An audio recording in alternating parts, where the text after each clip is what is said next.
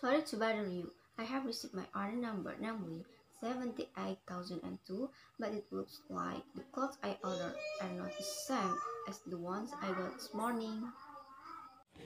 Hello. Thanks for calling.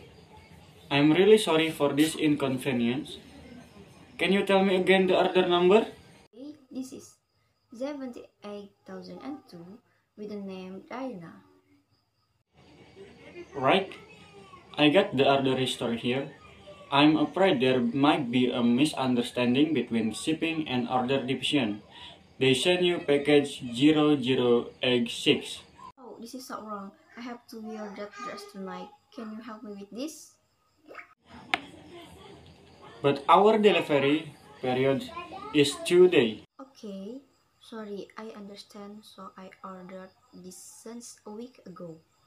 But this is unacceptable. It's not my fault either. I understand that it's not your fault.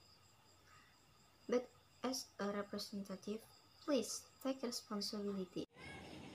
Oh, sure. We will arrange one day service to deliver the right package to you immediately. I assume it will arrive on your order at 5 p.m. today. Okay, thank you.